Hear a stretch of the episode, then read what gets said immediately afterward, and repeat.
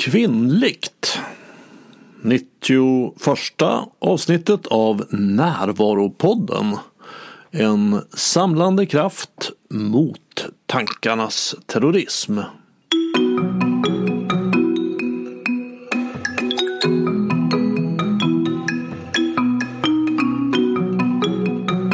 Det här är Bengt Renander. Jag har länge velat göra ett avsnitt med dagens tema kvinnligt. Jag har ju gjort två avsnitt om manligt och manlighet. Det är avsnitt nummer 8 och 67 om du inte har hört dem. Och här följer ett samtal om kvinnligt med Anki Varberg Landahl. Hon arbetar med personlig utveckling som yogalärare och som ledare av kvinnogrupper.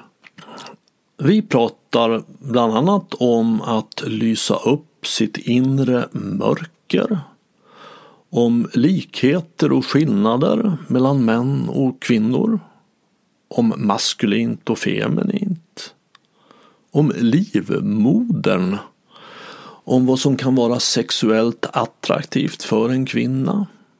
Om att vi lever i en värld som hyllar det maskulina.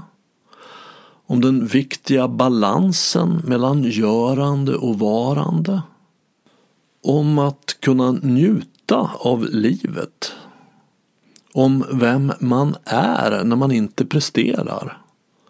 Om styrkan i att vara autentisk om att det inte är farligt att känna, om vad som kan hända när två balanserade människor möts och om att vara i kontakt med livets flöde istället för att vara avstängd. Här är Anki Varberg Landahl.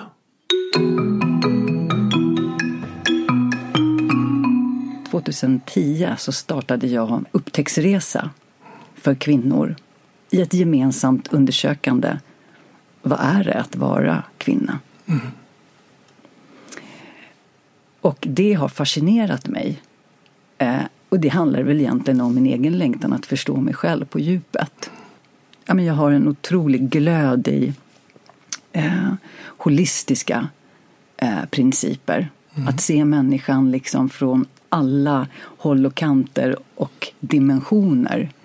Och um, ja, men att vi både tar hand om det fysiska vad det gäller att se över sin kropp, uh, det mentala, det känslomässiga, uh, men också se uh, liksom vad är djupet i att vara människa och att allt är lika viktigt. och att och kanske är det någonting jag brinner för väldigt mycket är att hjälpa människor till en livsstil som innefattar det här ombesörjandet. Så att man inte bara fokuserar på en sak i livet utan att allting ska få vara med. Liksom.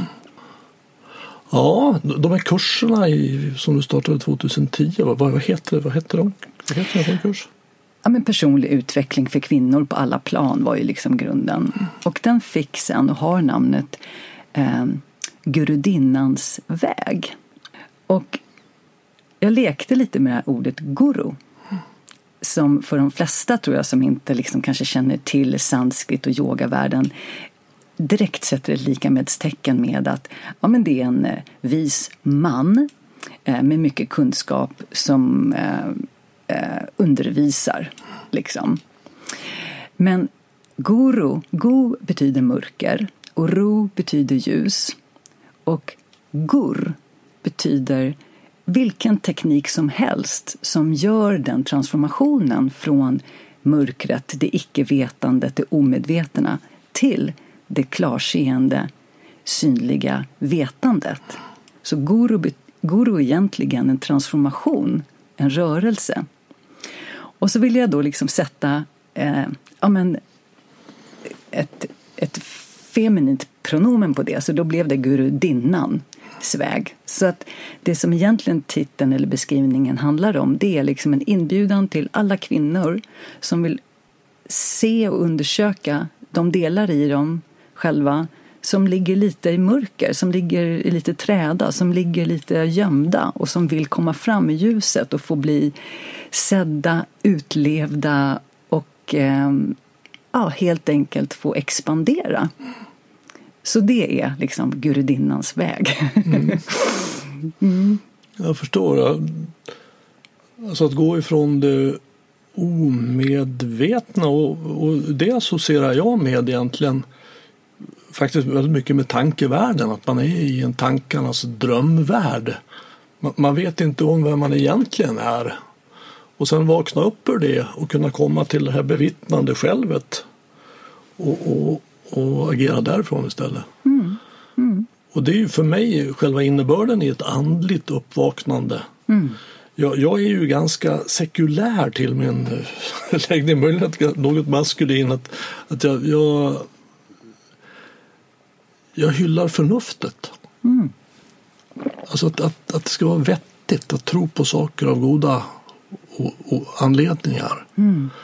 Så att, eh, att komma till den del av mig som är klok, vettig. För, för när jag är inne i den här tankarnas drömvärld så kan jag ju egentligen hitta på vad som helst. Ofta är jag rädd. Mm. När jag är rädd är jag inte riktigt klok.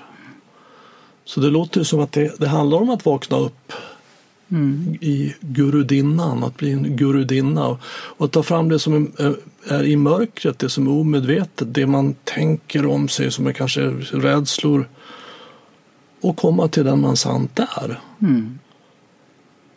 Vad, vad skulle du säga är, i mörkret för kvinnor? Vad, vad är din erfarenhet? Vad är vanligt? Vad är det som ligger där i mörkret? Under de här äh, kurserna, utbildningarna så kommer det absolut upp eh, saker där vi kvinnor kanske kan känna igen oss i varandra. Eh, jag tror att det som ligger i alla människors mörker är ja, men den, kanske en hopplöshet över att eh, vara inträngda i eh, former och roller, vara stigmatiserade på ett sätt som inte överensstämmer med vår sanna natur. Och det det som ligger i mörker är det som vi inte kan tillåta oss själva, det som inte samhället tillåter oss att vara. Och att på så sätt så blir det liksom allas individuella resa på något sätt, att se vad är det jag personligen är, har tryckt ner, vad är det jag inte tillåter? Vad är det liksom i min familj man inte tillät? Vad är det i vår kultur i Sverige inte tillåter? Vad är det i vårt samhällsklimat? Vad är det globalt vi inte tillåter? Och sen beroende på, på, på hur, individen, hur mycket har jag kunnat eh, ha integritet att vara mig själv trots präglingarna med, och, och vad är det jag har tryckt undan? Det är väldigt individuellt. Men kanske att kvinnor som jag har mött på min väg som söker sig till mina kurser, om jag skulle generalisera lite i mörkret så kan jag se att avskurna från en sann sexualitet. Avskurna från att känna sig helt hundraprocentigt okej okay med att hundraprocentigt känna, få tillåtelse att känna. Jag upplever att många delar en känsla av um, um, ja, men att inte riktigt få ha tillgång till vissa känslouttryck. I vår kultur, i Sverige i alla fall, så är det, ja, men det är ganska få kvinnor som får uh, vara väldigt kraftfulla. Man kan vara kraftfulla och att man pekar med handen och är intellektuellt stark. Eh, man kan vara väldigt retorisk och logisk och på det, det sättet får kvinnor vara väldigt kraftfulla och starka. Men eh, att vara vild och stark, otyglad och stark. För mig är det hjälpsamt att navigera i de här ganska trassliga markerna. Mm. Eh, genom att skilja på då, dels att se man och kvinna mm. och maskulint och feminint. Mm. Och att, att, man och kvinna är väldigt kopplat till, till kroppen Alltså vad man har för hormoner och att man har en lem och pung och bröst, höfter, livmoder. Så man och kvinna, det, det, det är en typ av uppdelning. Och sen maskulin och feminin. Att det är en annan uppdelning. Och att, att inse då att både män och kvinnor behöver både sin maskulinitet och sin femininitet. Det är ju det den här taoistiska symbolen med yin och yang visar. Att vi behöver vara i balans mellan det maskulina och det feminina. Och, och skulle jag då sammanfatta det maskulina i två ord så är det tänka och göra. Så när vi säger att nu ska jag tänka ut vad jag ska göra, då är jag in i min maskulina sida. Och, och, och det feminina att känna och vara. Så att jag säger att nu ska jag känna efter hur det är. Då går jag in i min feminina sida. Och, och Så att det är inte så att kvinnor ska vara feminina och män ska vara maskulina. Utan både män och kvinnor behöver båda de här sidorna för att vara hela. Mm. Mm. Vad, säger du om den bilden? Ja, men absolut. Absolut. Och eh, ja, men jag känner att jag, eh, jag har egentligen så lite obekvämlighet kring att använda de här orden. Eh, maskulinitet och femininitet. Folk kopplar det så mycket till kön så att det är som att det blir en tilt i huvudet och så blir det eh, som att det ska tävlas och jämföras och när det kommer då till man och kvinna så vad vi håller på med hela livet är ju relationer. Vi relaterar till varandra. Mm. Vi relaterar till varandra.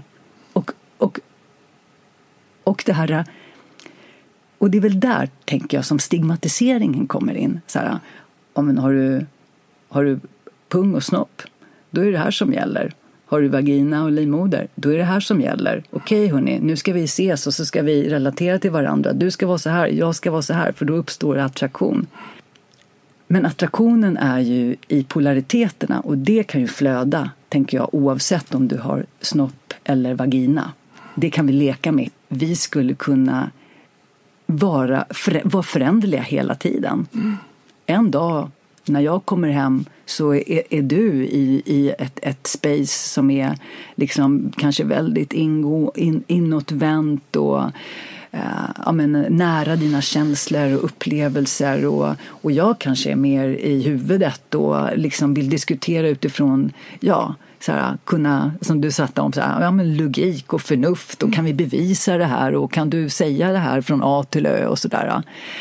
Och andra dagen så är jag på ett sätt och du på ett annat sätt. Alltså det är ju eh, paradiset för människor på jorden att få vara i det, tänker jag. Och det är, kan man ha en relation på det sättet så är det helt amazing. Mm. Kan man ha ett sexliv på det sättet så är det amazing. Mm. Mm. Absolut, och, och, och, jag håller helt med om det. Och, och, det är det jag menar, att både män och kvinnor behöver tillgång till sin maskulina och feminina mm. sida, eller mm. yin och yang och vi mm. kallar det. Det spelar mm. det olika benämningar egentligen för mig på samma sak. Och att vi kan växla i det, att vi inte bara som man och måste vara i det, tänka och göra hela tiden och kvinna känna och vara. Så, så rent generellt, absolut. Men sen när vi kommer då till det sexuella, mm. Eh, låt oss ge oss in där. så, så för att om, det här med att tänka, göra och känna och vara, det har ju både män och kvinnor tillgång till. Och, mm. är ju, alltså, I det allra mesta så är vi ju väldigt lika. Mm. Som vi ser på oss. Vi har ju näsa och mm. öron och njurar och knäskålar. Och Absolut. Det, det, är precis samma. Men mm. just vad det gäller de sexuella organen, mm. där finns det påtagliga skillnader. Ja, absolut. Uh, och det är skillnader som passar perfekt in i varandra. Både på cellnivå och rent fysiskt. Mm. Och där tänker jag, spännande att höra vad, vad, vad, du tänker om det, att, att där är också att sexuellt är de största skillnaderna mellan män och kvinnor. Fysiskt men också hur vi, hur vi är sexuellt. Mm. För sexualiteten det är ju ingenting som uppfanns i ett demonstrationståg på Gärdet på 60-talet utan det har ju miljoner år av evolution. Mm. Och där har vi ju lite olika roller. Så det vi finner sexuellt attraktivt är lite olika. Det en man finner sexuellt attraktivt. Vi pratar om heterosexualitet, men det är det enda jag har erfarenhet av. Jag är Mm. väl medveten och största respekt för andra Mm. sexuella vinklar också. Men, men, men det, det är det jag kan prata om. Vad, vad Ber- tänker berätta, du om det? Nej, men berätta mer, jag blir nyfiken. Hur, hur tänk, gå, som, vi, kan du... Jag, jag, jag tänker så här att, att vi...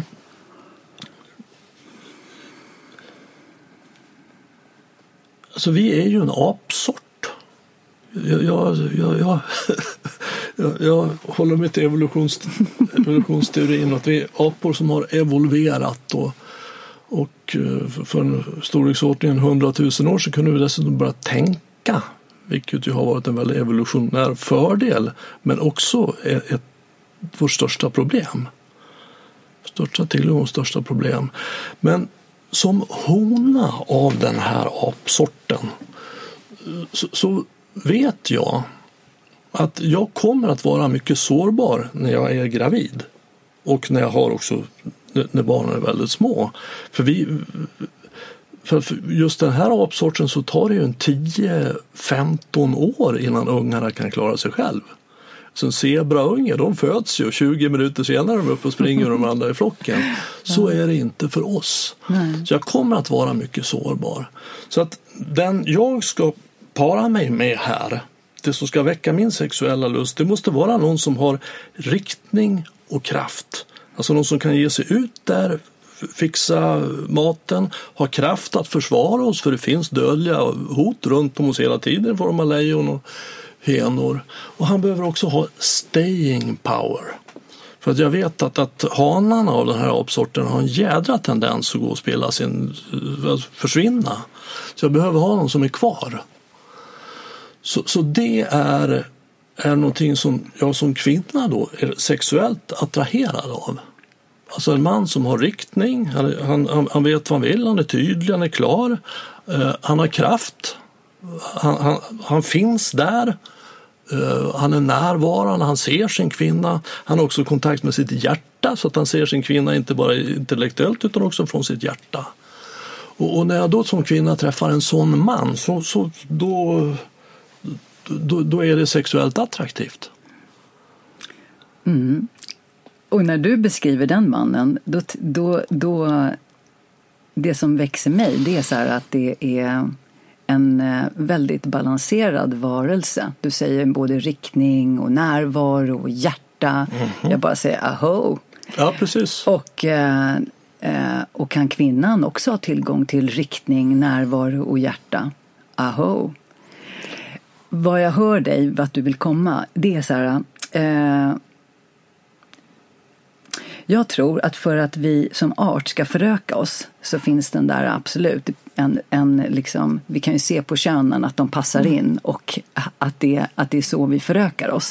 Eller gjorde i alla fall, för nu kan vi ju föröka oss på alla möjliga olika sätt. Men det är i alla fall den liksom eh, eh, så som det är i våra kroppar om vi gör det liksom på ett, på ett rent fysiskt plan. Så att förfröka sig, ja. När det kommer till det sexuella och det tantriska som inte handlar om föröka sig, då säger jag nej på det där. För att eh, om du också går till djurvärlden så finns det också massa eh, studier på att, eh, att apor, de parar sig men sen har nästan alla, kvinn, alla honapor de har lesbiska relationer. De njuter fullt ut av varandra och lejonhanarna de har också sexualitet med varandra. Och, eh, och det här har också gjorts massa studier på att det inte alls är så stigmatiserat i, ljud, i djurvärlden.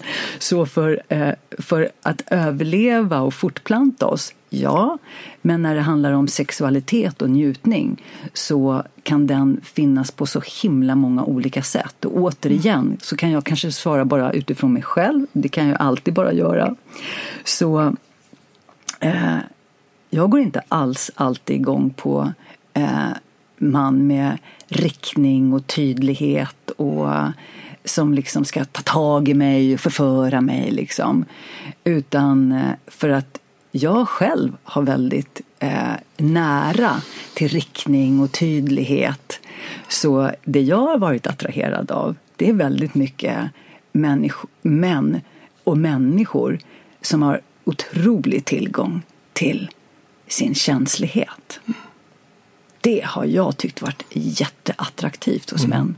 Det är ju en styrka. Ja, människors, män som kan gråta, som kan prata om sina känslor, som eh, ja, men i det sexuella kan vara i en väldigt lugn, passiv roll. Eh, så att den där uppdelningen eh, känner inte jag riktigt att, den är, att den gäller för mig. Utan jag är mer hela tiden i det här, ja, men vi fokuserar på egenskaper, vi får leka med dem och det ger människan frihet. Men sen håller jag med, och det upplever jag också, att sexualiteten eh, är skillnad mellan om man har en livmoder och en vagina eller om man har en snopp och en pung. Det känner jag verkligen. Ja, Och vad jag vad är det för skillnad Ja, men vad jag, vad jag, vad jag har känt alltid eh, och liksom haft svårt att kanske sätta ord på det är att i min sexualitet som kvinna så har jag behövt eh, vara väldigt så här, avstressad, utvilad, Eh, väldigt i närhet och kontakt med mig själv för att överhuvudtaget kunna ha eh, en, liksom en givande, härlig sexuell upplevelse.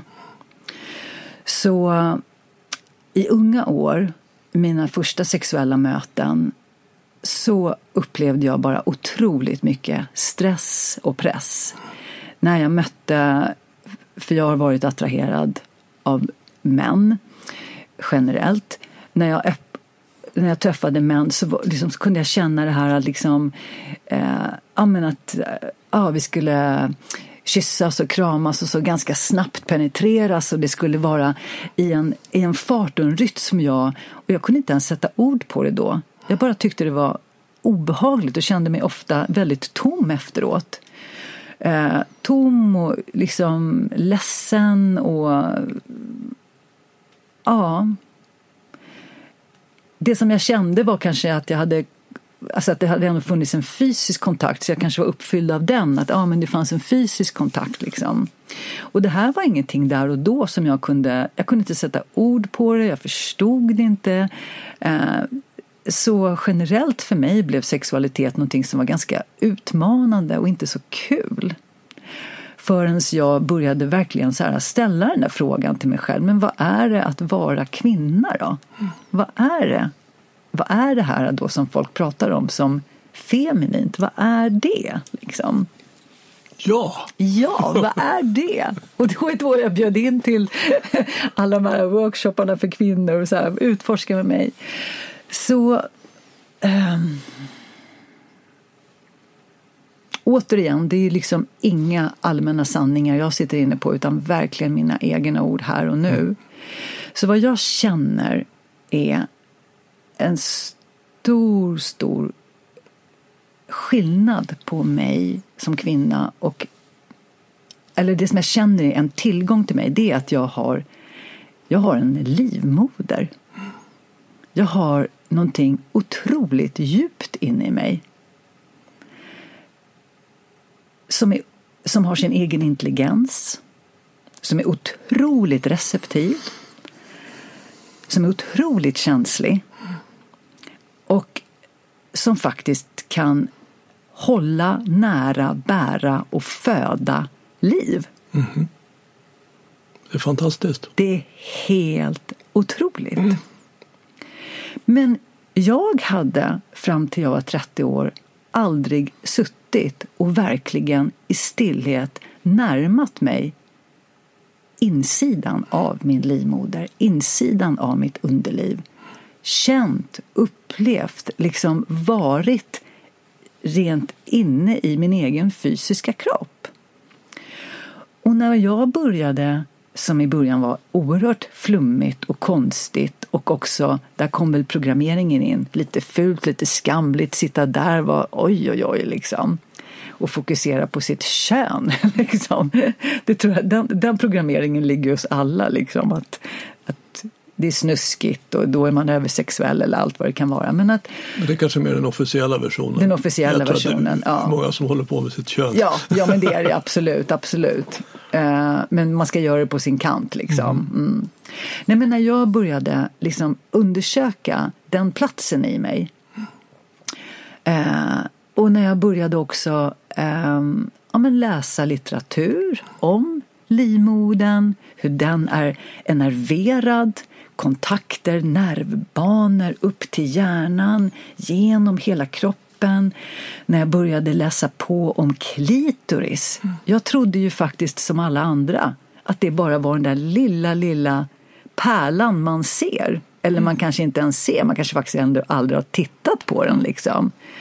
Och att sen förstå, nej men gud, det är ju en, liksom, det är ett helt organ som är liksom upp till 15 centimeter långt. Och när jag läste att den här klitorisen hos en kvinna den växer hela livet och är i sin absolut klimax runt 50. Alltså jag bara så här, wow, wow, wow. Och sen då när jag bara går in lite mer så fysiologiskt och ser så här, okej, okay, så att en livmoder med den otroliga enerveringen upp till hjärnan, eh, ut i kroppen och en klitoris som har, eh, som det beskrivs i fysiologin, 8000 nervändar. Till skillnad mot ollonet som har 4000 nervändar.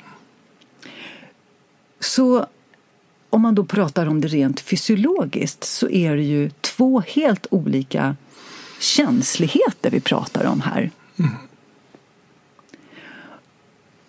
Och det hade jag velat veta tidigare i livet. Mm. Att få ge både mig och min partner då liksom så här, jag känner väldigt mycket. Mm.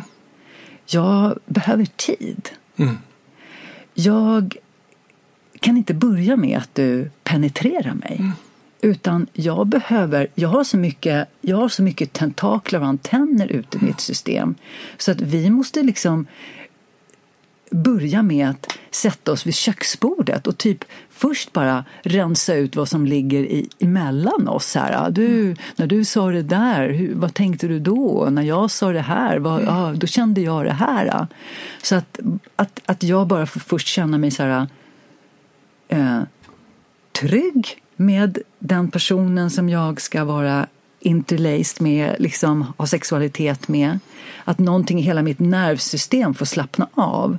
Och jag tror och tänker och upplever och känner, och det är väl kanske det jag hör mest hos kvinnor, att det finns en otrolig liksom, känslighet i kvinnor som många upplever eh, både kanske inte är eh, accepterat, uttalat och känt. Mm. Och inte hedrat. Mm. Ja, jag, håller helt med om det. Mm. Att jag tänker att skillnaden mellan män och kvinnor ligger huvudsakligen i det sexuella. Dels organen, dels hur vi fungerar sexuellt. Och jag, jag tänker i din beskrivning där av din ungdomstid mm. så, så, skulle jag då säga eh, min bild blir att, att för, för, vi lever i ett samhälle som hyllar det maskulina. Som hyllar yang, om vi använder det mm, ordet istället. Mm. Att man ska tänka och göra, man ska vara mm. duktig över medel, mm. normal, mm. prestera, på, på, på väg mot målet. Och, eh, och det här tar vi med oss in i sängkammaren. Mm. Så att vi är uppe i huvudet och presterar och mm. inte i kontakt med bekänna och vara som då är yin. Och, och det passade dig illa. Ja, verkligen. Ja, och, och, inte bara dig utan jag skulle tro du har väldigt många systrar i det. Ja. Så det passar det feminina, det passar kvinnan. Mm. En person som bor i en kvinnas kropp mm. passar det illa. Mm. Utan vi behöver gå via yin då det feminina, så att känna och mm. vara. Att vägen till skötet går via hjärtat.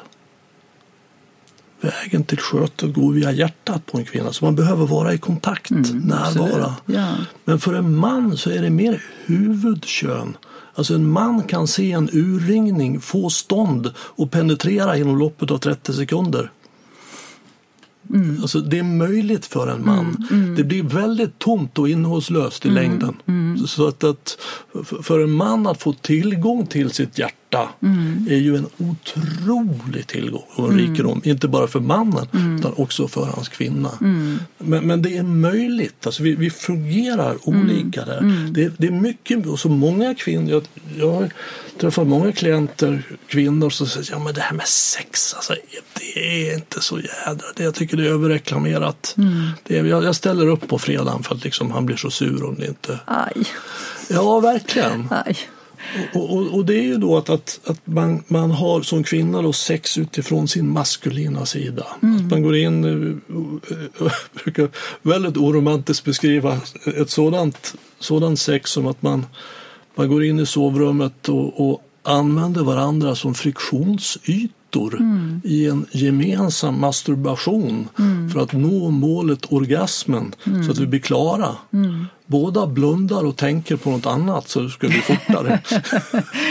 så kanske det. Och, och, det blir ju sexuellt som att lyssna på Beethovens nia genom en liten, liten sån här telefon, eh, en liten örsnäcka. Mm.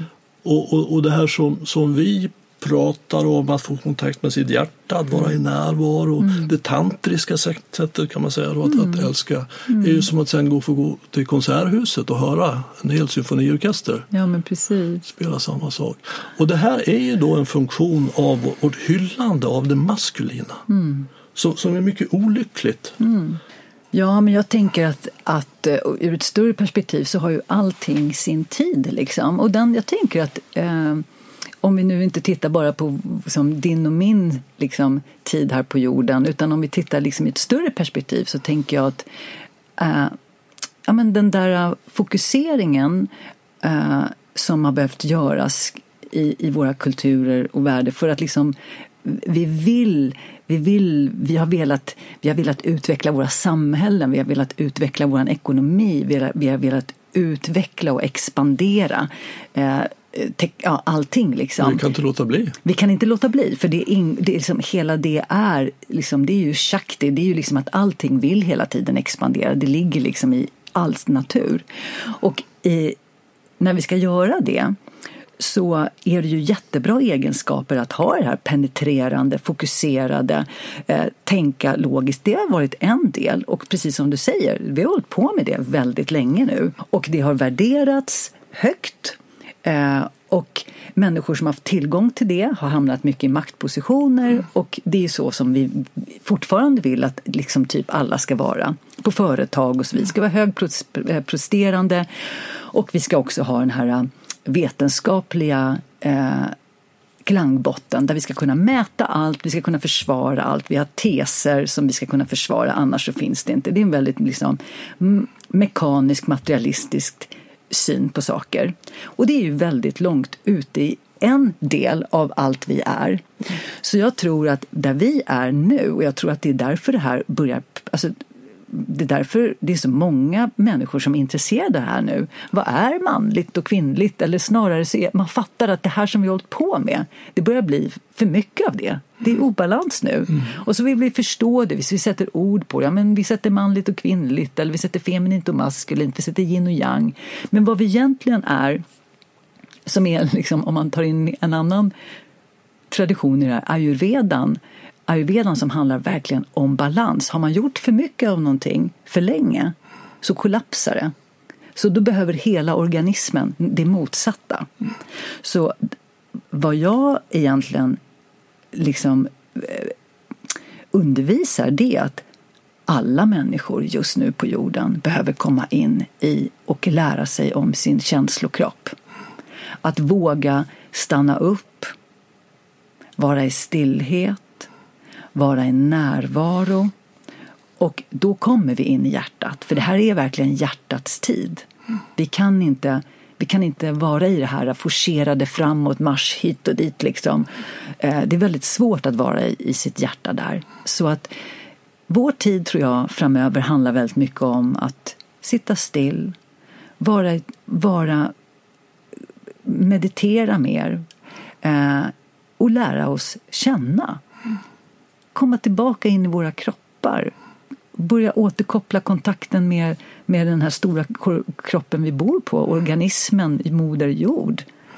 Eh, bara, och det, jag menar, där kommer ju klimatet in. Jag tror att det är en stor fråga för att det är bara hallå, liksom. Det är en annan levande organism här som vi också behöver vara i balans med.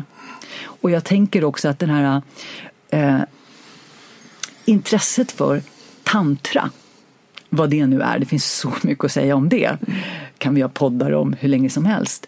Det handlar, tror jag också, jättemycket om att människor är så jävla trötta på stigmatiserad sexualitet och att tantran handlar väldigt mycket om att få vara kännande, upplevande och tillåta det som vill ske i stunden.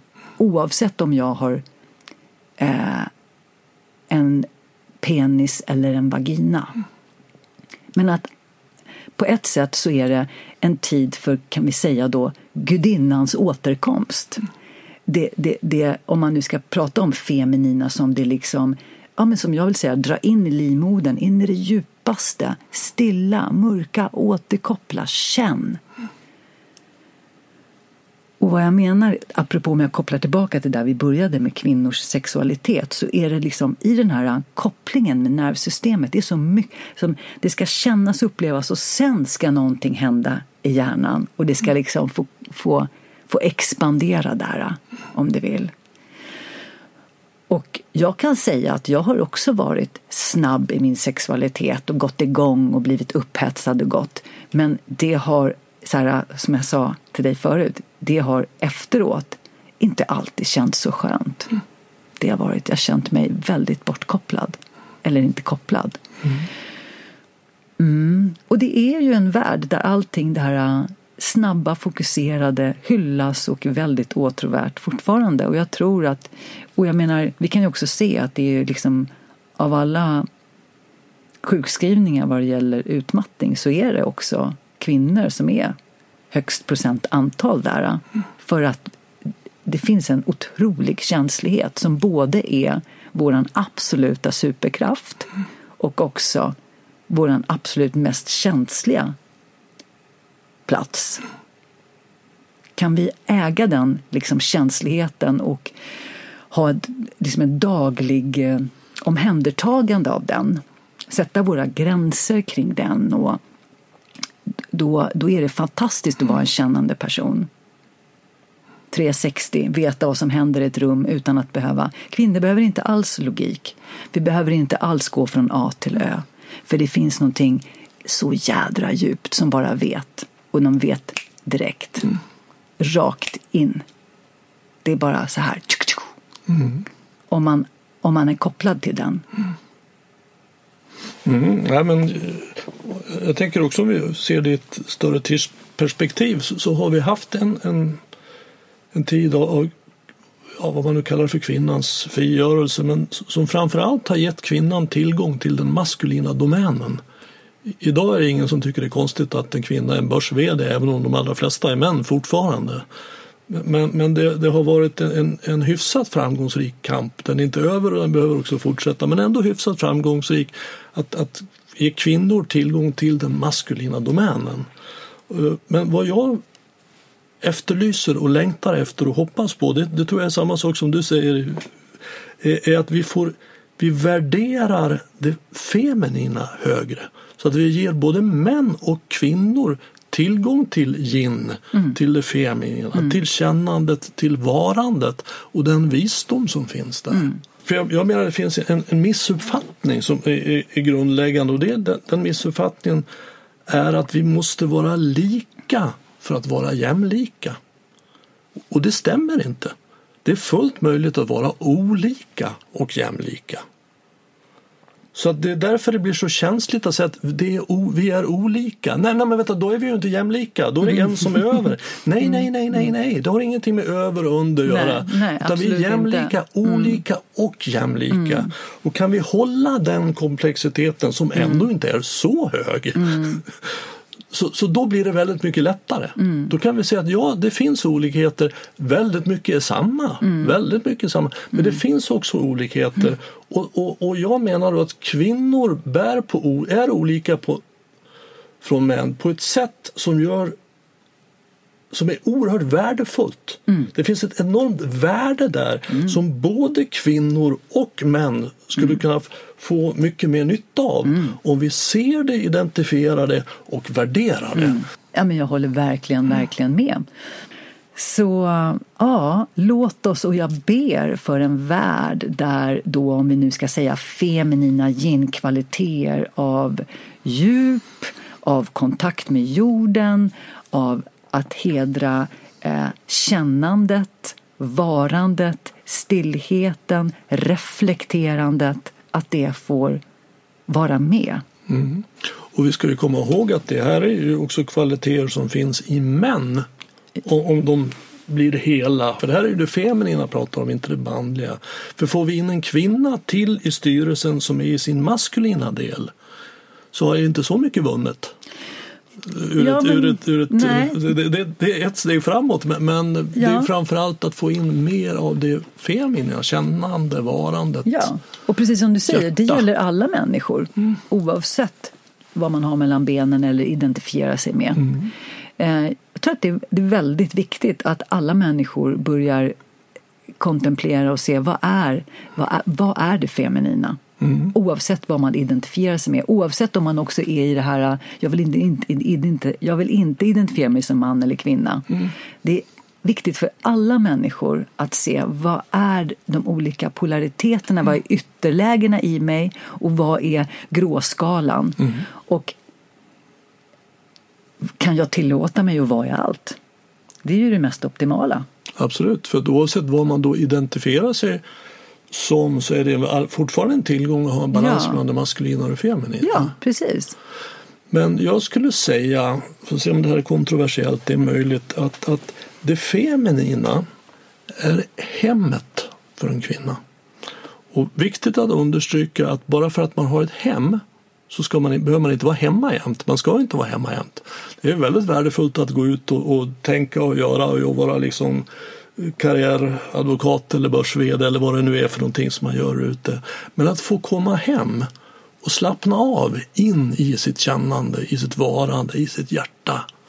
Det är enormt, enormt värdefullt och alla de här utbrända depression, missbruk är ju för att vi får lära oss både tjejer och killar när vi är små att vi är värdefulla, vi är älskbara när vi tänker och gör och presterar.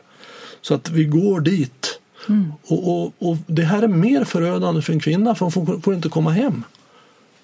Hon lär sig att, att, det här, att komma hem till mitt feminina och slappna av där, det har inget värde.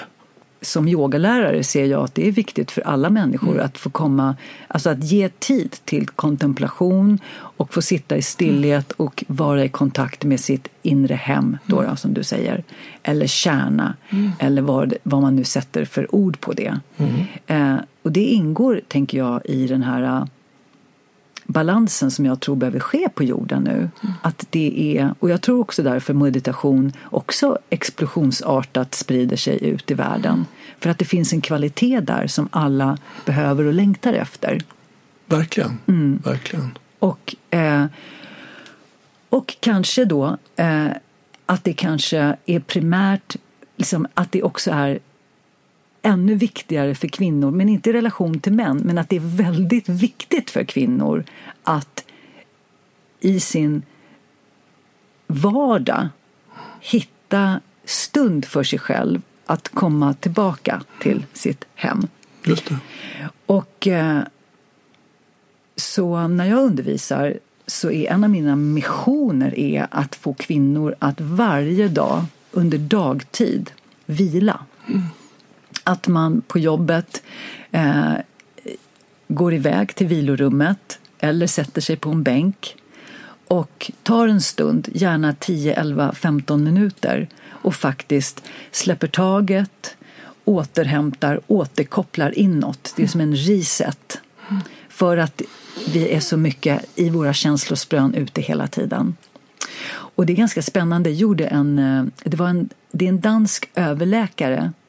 Hon gjorde en eh, eh forskningsstudie på män och kvinnor vad det gällde stresshormoner.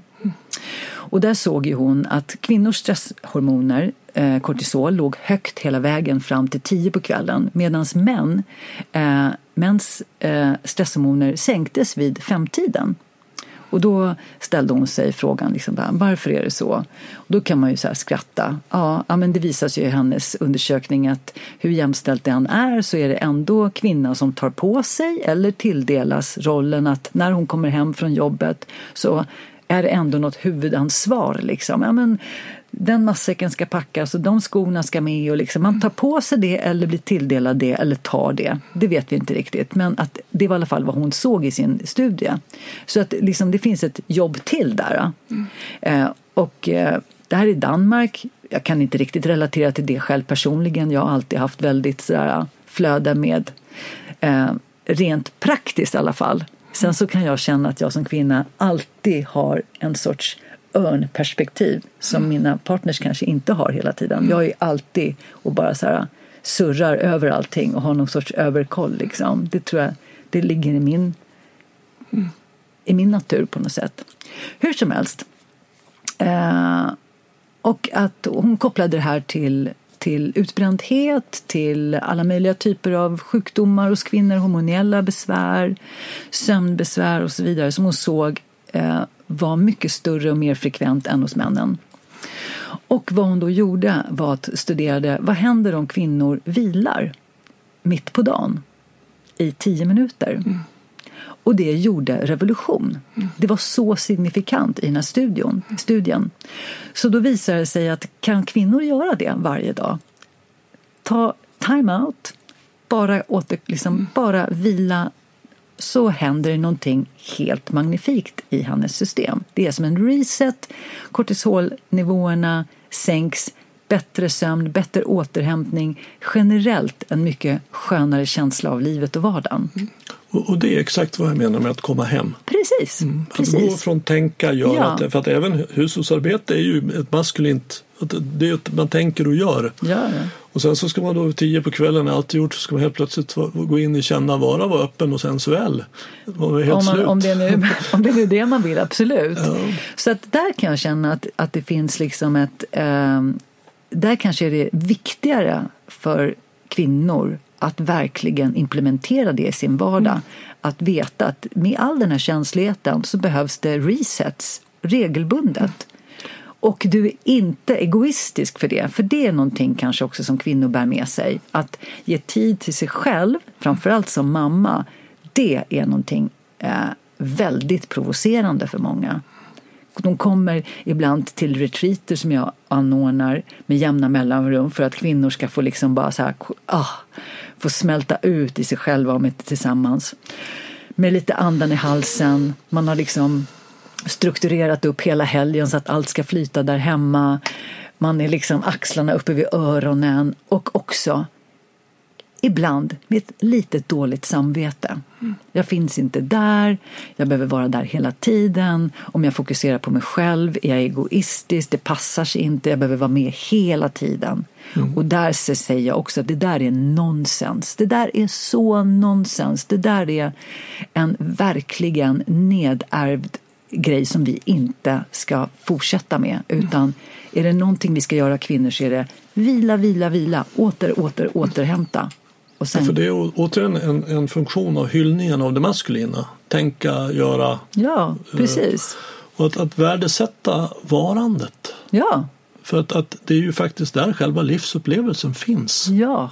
Det är ju inte sen när jag är klar som jag kan, Nej. utan det är nu, här. Mm. Mm. Så det finns en sorts nyckel till en djup livsvisdom om att kunna vara i och njuta av det som är nu, alltså sensualiteten som jag också skulle lägga i det feminina i både män och kvinnor. Då, mm. naturligtvis. Mm. Mm. Wow, vad det är vackert och vad det mm. doftar, mm. mm. smakar och det känns. Oh, wow. Ja. Och, och, jag har genom åren haft många klienter som kommer in och, och så jag är framgångsrik så och jag har, det, det, går bra och jag har villa på Lidingö. Och jag står där ute och dricker årgångschampagne på fredag och tittar ut över inloppet till Stockholm. Men jag undrar vad är det för mening med alltihop? Mm. Mm. Vad, vad, vad, vad, ska jag med det här till? Mm. Då vet jag att det här är en person som inte har kontakt med sin feminina sida, mm. mm. med sitt kännande och varande. Mm. För när jag är där så behövs det ingenting. Mm. Jag kan bara sitta och titta ut över och bara wow. Mm. Och, och titta in också. Kontakt inåt och kontakt utåt. Ja, Och det är ju så värdefullt. Mm. Oavsett om man är man eller kvinna. ja. Och precis som du säger, vi är ju så otroligt präglade i prestation som självvärde. Mm. Det är där det ligger. Jag är värd om jag presterar. Så när jag går och lägger mig på kvällen så ska jag liksom ha presterat någonting. Om jag inte gjort det så känner jag mig värdelös. För det är det liksom eh, att, att så här, ja, men jag har gått runt, jag har varit väldigt närvarande idag. Jag har känt in människor, jag har, har bemött människor liksom utifrån en väldigt kännande, närvarande plats. Det är inte så många som ligger och, och hyllar det på kvällen. Nej, jag har betytt något för någon. Ja, precis Jag liksom. har sett någon idag. Ja, så att det är ju också, tror jag, en inre kamp eh, hos både män och kvinnor. Liksom att om jag inte presterar, vem är jag då? Just det. Räcker det, det räcker inte med att bara vara, känna, uppleva. Och precis som du säger, det är ju där allting är. Det är ju där livet är och det är framförallt där alla kärleksfulla möten börjar. Så kan man inte vara där så kommer man ju liksom utifrån som jag upplever livet aldrig kunna vara riktigt nöjd i sitt kärleksliv eller sitt relaterande. Och jag tror att det människor går och längtar efter som mest. Vi går och längtar efter att få vara hemma. Vi går och längtar efter att få vara i det där kännande och få vara okej med det.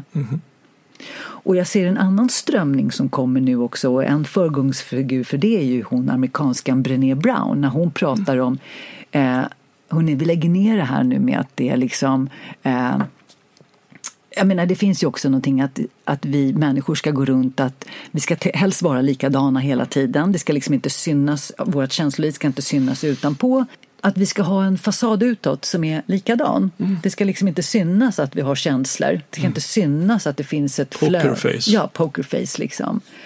Och att också det här kännandet hela tiden har nedvärderats. För att det är ju okontrollerbart.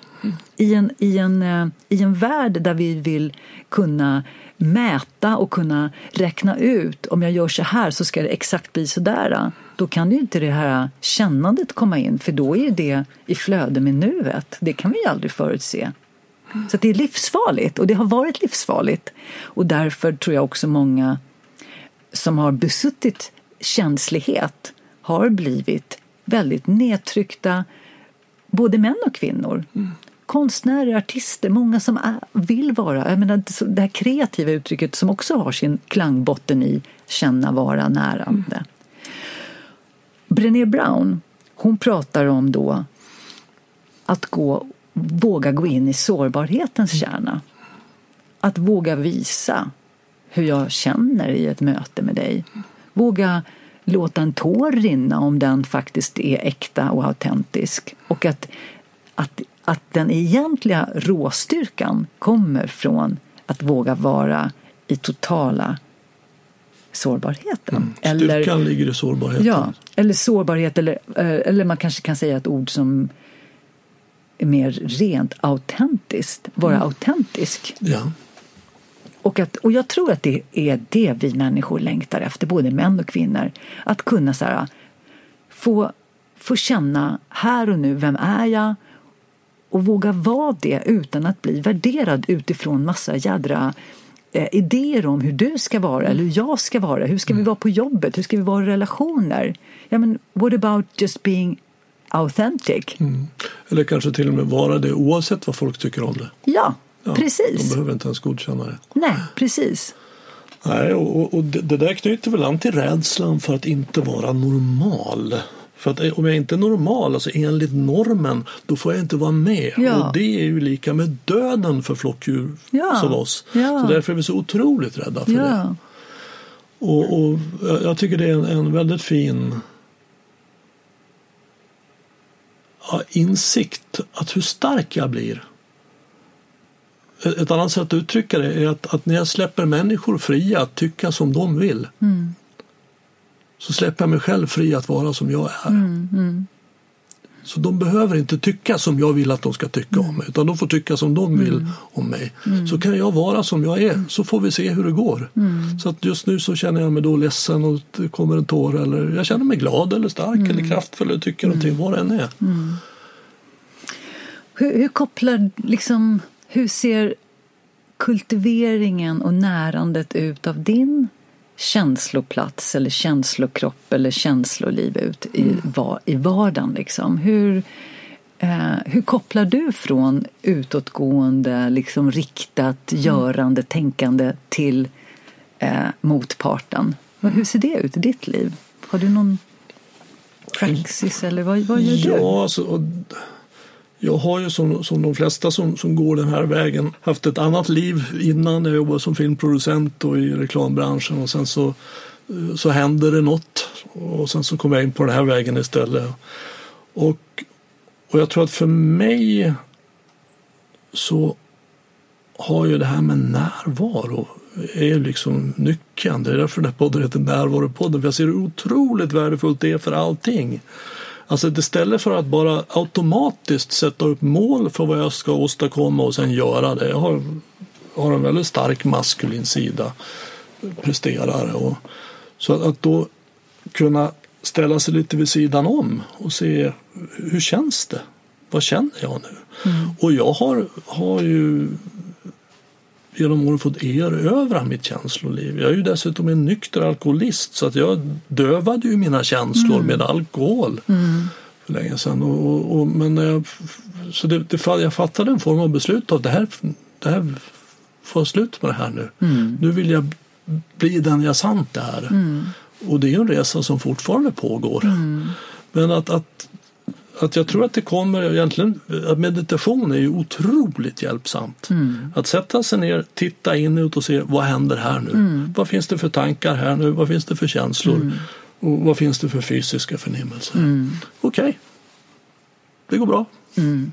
Och sen då, eh, bara för att jag har en känsla så är det ju inte alltid säkert att jag ska följa den. Mm. Många känslor är ju helt galna.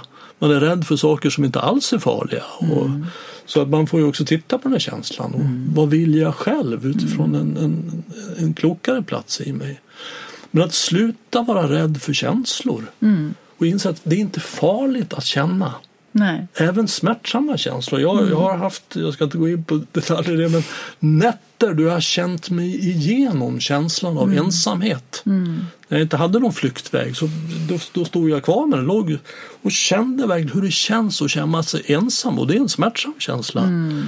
Men jag kom ut i andra änden. Mm. Och sen dess har jag inte känt mig ensam på så mm. sätt. Nej. Jag hade flytt ifrån den så länge innan. Och att sätta namn på känslor, bara det. Mm. Alltså, vad känner jag nu? Jag har en, en, lista på, jag har en kort lista på 30 känslor, en lång på över 200 som jag ger till mina klienter beroende lite på vad de är. Att bara kunna sätta namn på, vad känner du nu? Mm. Och du vet, man kan ju fråga människor och man säger att de har ingen aning. Nej. Säger, det känns bra, säger de. Ja, eller dåligt. ja, eller dåligt. Ja. Men det är inte känslor vare sig bra eller dåligt. Det är ett värdeomdöme om en känsla. Ja, men precis. Så vad är det för känsla som är bra? Mm. Och veta det, att nu känner jag det här. Mm. Men jag är inte mina känslor, jag är inte rädd utan jag har en känsla av mm. rädsla. Mm. Och den kan jag då följa för att det kommer nämligen en varg springande så det är dags mm. att göra Men det, jag kan också märka att den känslan av rädslan kommer av en tanke. Mm. Att hon tycker inte om mig. Eller, mm. Så att jag kanske inte behöver följa den. Mm. Att känna sina känslor är så värdefullt. Det är ju själva livs upplevelsen är ju känsloflödet som går igenom kroppen. Ja. Och det växlar ju hela tiden. Ja. Det flyter igenom och det kopplar jag då till det mm. feminina i mig. Att ta kontakt med det, ha kontakt med mm. det. Och jag känner att det gör mig också helare som man. Mm. Mm. Att ju mer jag integrerar hjärta och, och det feminina, ju mer manlig blir jag också. Jag är grundad i, mm. i det. Mm. Och när du säger allt det där så känner jag, dels så ser jag hur du liksom bara, din ansikte lyser, du får så här härlig utstrålning, alltså du, du känns så ännu mer levande när du börjar mm. prata och gestikulera. Och, och jag, jag, jag, går igång på när du säger så här, ja men när jag, att du känner dig helare som man. Mm. Eh, Och det där är någonting som jag tycker är så himla viktigt. Det som du säger, att när, när vi kan få ha tillgång till alla de här olika kvaliteterna och egenskaperna i oss och jobbar på att jag själv får vara i både liksom fokus och fram och hej och i stillhet inåt och allt däremellan. När vi Alltså det tänker jag är den mänskliga expansionen och utvecklingen. Då är vi i det som kallas för liksom yoga, förening, balans, yin och yang i oss själva. Och det som jag tycker är häftigt och som jag märker att när en man och kvinna kommer från den platsen och möter en man eller kvinna från den platsen, då handlar inte längre relationerna om ett, ett neediness eller ett utbyte av kvaliteter. För att då handlar det mer om att jag är komplett och du är komplett. Och det är då det börjar bli kul. Det är då vi kan börja flöda mellan det här då yin och yang eller feminint och maskulint mellan då till exempel könen. Mm. Men om jag inte, om jag tryckt ner egenskaper i mig så kommer jag längta dem och så dyker det upp en person mm. framför mig som har de här kvaliteterna och det är där jag ofta tänker, det är det som är attraktionen. Mm. Jag tänker inte egentligen att vi attraheras, alltså ja, fortplantning, ja, men den här attraktionen, det är någonting, det finns någonting här mm. som jag längtar efter i mig själv och du visar upp det. Jag ser det. Det är som att du väcker upp någon slumrande del i mig och wow, det händer någonting i mig. Mm. Så att relaterande är livsviktigt för vår personliga utveckling. Och jag tänker att i min paradisvärld, utopiska värld som inte är en utopi utan en, liksom, vi kan komma dit. Balanserade människor som möter varandra mm. och kan liksom fira och skapa häftiga saker än att det är ett så här, äh, utbytesprogram man har i sina relationer. Du, jag behöver det här, ge mig det. Ja, men du får det av mig, men då ska jag ha det där av dig. Och sen håller man på och ställer krav och man håller på med massa lekar och man stigmatiserar varandra. Nej, men du ska ju alltid vara så. Det var ju så jag blev, kom i kontakt med dig och jag behöver vara så här. Vi fastnar. Alltså, ibland tänker jag att liksom, eh, våra mänskliga här, relationer mellan man och kvinna det är de mest manipulerade konstigaste företeelserna vi håller på med mm. på ett plan. Liksom. Så mycket idéer om vad vi ska vara och inte vara. Ja, verkligen oh, man blir matt liksom. Ja. Så att friheten tänker jag återigen som du så fint uttryckte. Mm. Att kunna få vara allting. Mm. Livet. Mm.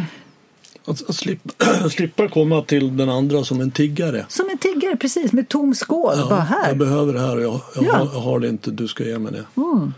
Och, och, istället kunna vara, för det, det den association jag gör när jag hör dig beskriva det, att det där är ju kärlek. Det är kärlek, ja. ja. Att vi, vi är här, vi kan mötas. Det är inte för att jag behöver dig. Nej. Eh, utan jag är, är redan här. För att kärlek är ju ingenting som man ger till en annan människa eller får en annan människa. Det är någonting vi kommer i kontakt med nu. Ja, vi ja, har det här nu. Ja, det, det, finns här. det är det vi liksom det är ett annat ord, tycker jag, för oh. varandet. Men det som du var inne på, som jag också tycker är, eh, som jag har med på mina kurser, det är verkligen så att få ett större ordförråd till sina känslor. Oh. Att liksom se, så här, hur känner jag? Och så har man, som du sa, ja, men 40 ord på mm. som faktiskt, och inte för att jag behöver definiera det, men bara för att kanske hedra det. Ja, veta det. Veta det. Och där sker ju, tänker jag, väldigt mycket läkning från där vi började. Vad är det vi har tryckt ner i vårt mörker? Mm. Jo, vi trycker ner känslor som vi inte tror eller har upplevt oss varit accepterade mm. i vår familj, i vår kultur, i skolan, på arbetsplatsen. Och när vi kan komma i kontakt med den igen, känna den fullt ut. Det är som att vi tar upp en känsla ur källan, håller den som en, liksom, eh, en förälder mm. och ger den plats pussa lite på den och det är då den får komma ut och bli befriad. Mm. Och då händer det någonting i oss, djupt. Eh, Jag tänker på uttrycket what you resist persist. Alltså Ja. Det du är emot det, det finns kvar. Men att, att kunna dels sätta namn på känslan och sen känna hur känns den här känslan i kroppen. Alltså nu är jag orolig till exempel. Vilket är lite annorlunda mot att vara rädd eller nervös. Utan orolig är jag nu. Så hur känns det? Ja, det är lite fladder där i magen och så känner jag mig lite spänd här. Okej, tack, då vet jag det. Ja, precis. Och, och då kommer jag märka att då förbyts känslan av orolig till någonting annat. Eh, Kanske lugn. Okej, nu, vad är jag nu? Nu är jag lugn. Det är ju en subtil känsla så det är ofta svår att få ord på. Hur känns det att vara lugn? Ja, det känns så här. Balans. ja. Okej, tack för det. Hur känner jag nu? Ja, nu känner jag längtan. Ja, Och så här håller det på. Det är Ja. livets flöde. Ja. Och att vara i kontakt med livets flöde istället för att vara avstängd ifrån det. Det är en väldig tillgång. Ja men verkligen. Ja. Okej, tack ska du ha. ja, men tack själv. Om du vill veta mer om Anki eller komma i kontakt med henne så finns en länk till hennes hemsida i anslutning till det här avsnittet på min hemsida renander.nu. Jag vill även denna gång tacka Kosmos Fredriksson på Kombatant Studio som återigen haft vänligheten att låna ut sin studio. Tack för ditt stöd och din fina hjälp. Jag gör Närvaropodden för att sprida kunskap om hur medvetenhet och närvaro kan hjälpa oss att sluta terrorisera oss själva och andra med tankar. Om du vill stödja podden, hjälp till att sprida den genom att tipsa om den till vänner och bekanta. Det är också hjälpsamt om du betygsätter och skriver kommentarer på iTunes. Vill du bli mer medveten och närvarande? Läs min senaste bok Stoppa tankarnas terrorism. Boken har fått många positiva omdömen som tydlig, klar, enkel och väldigt användbar.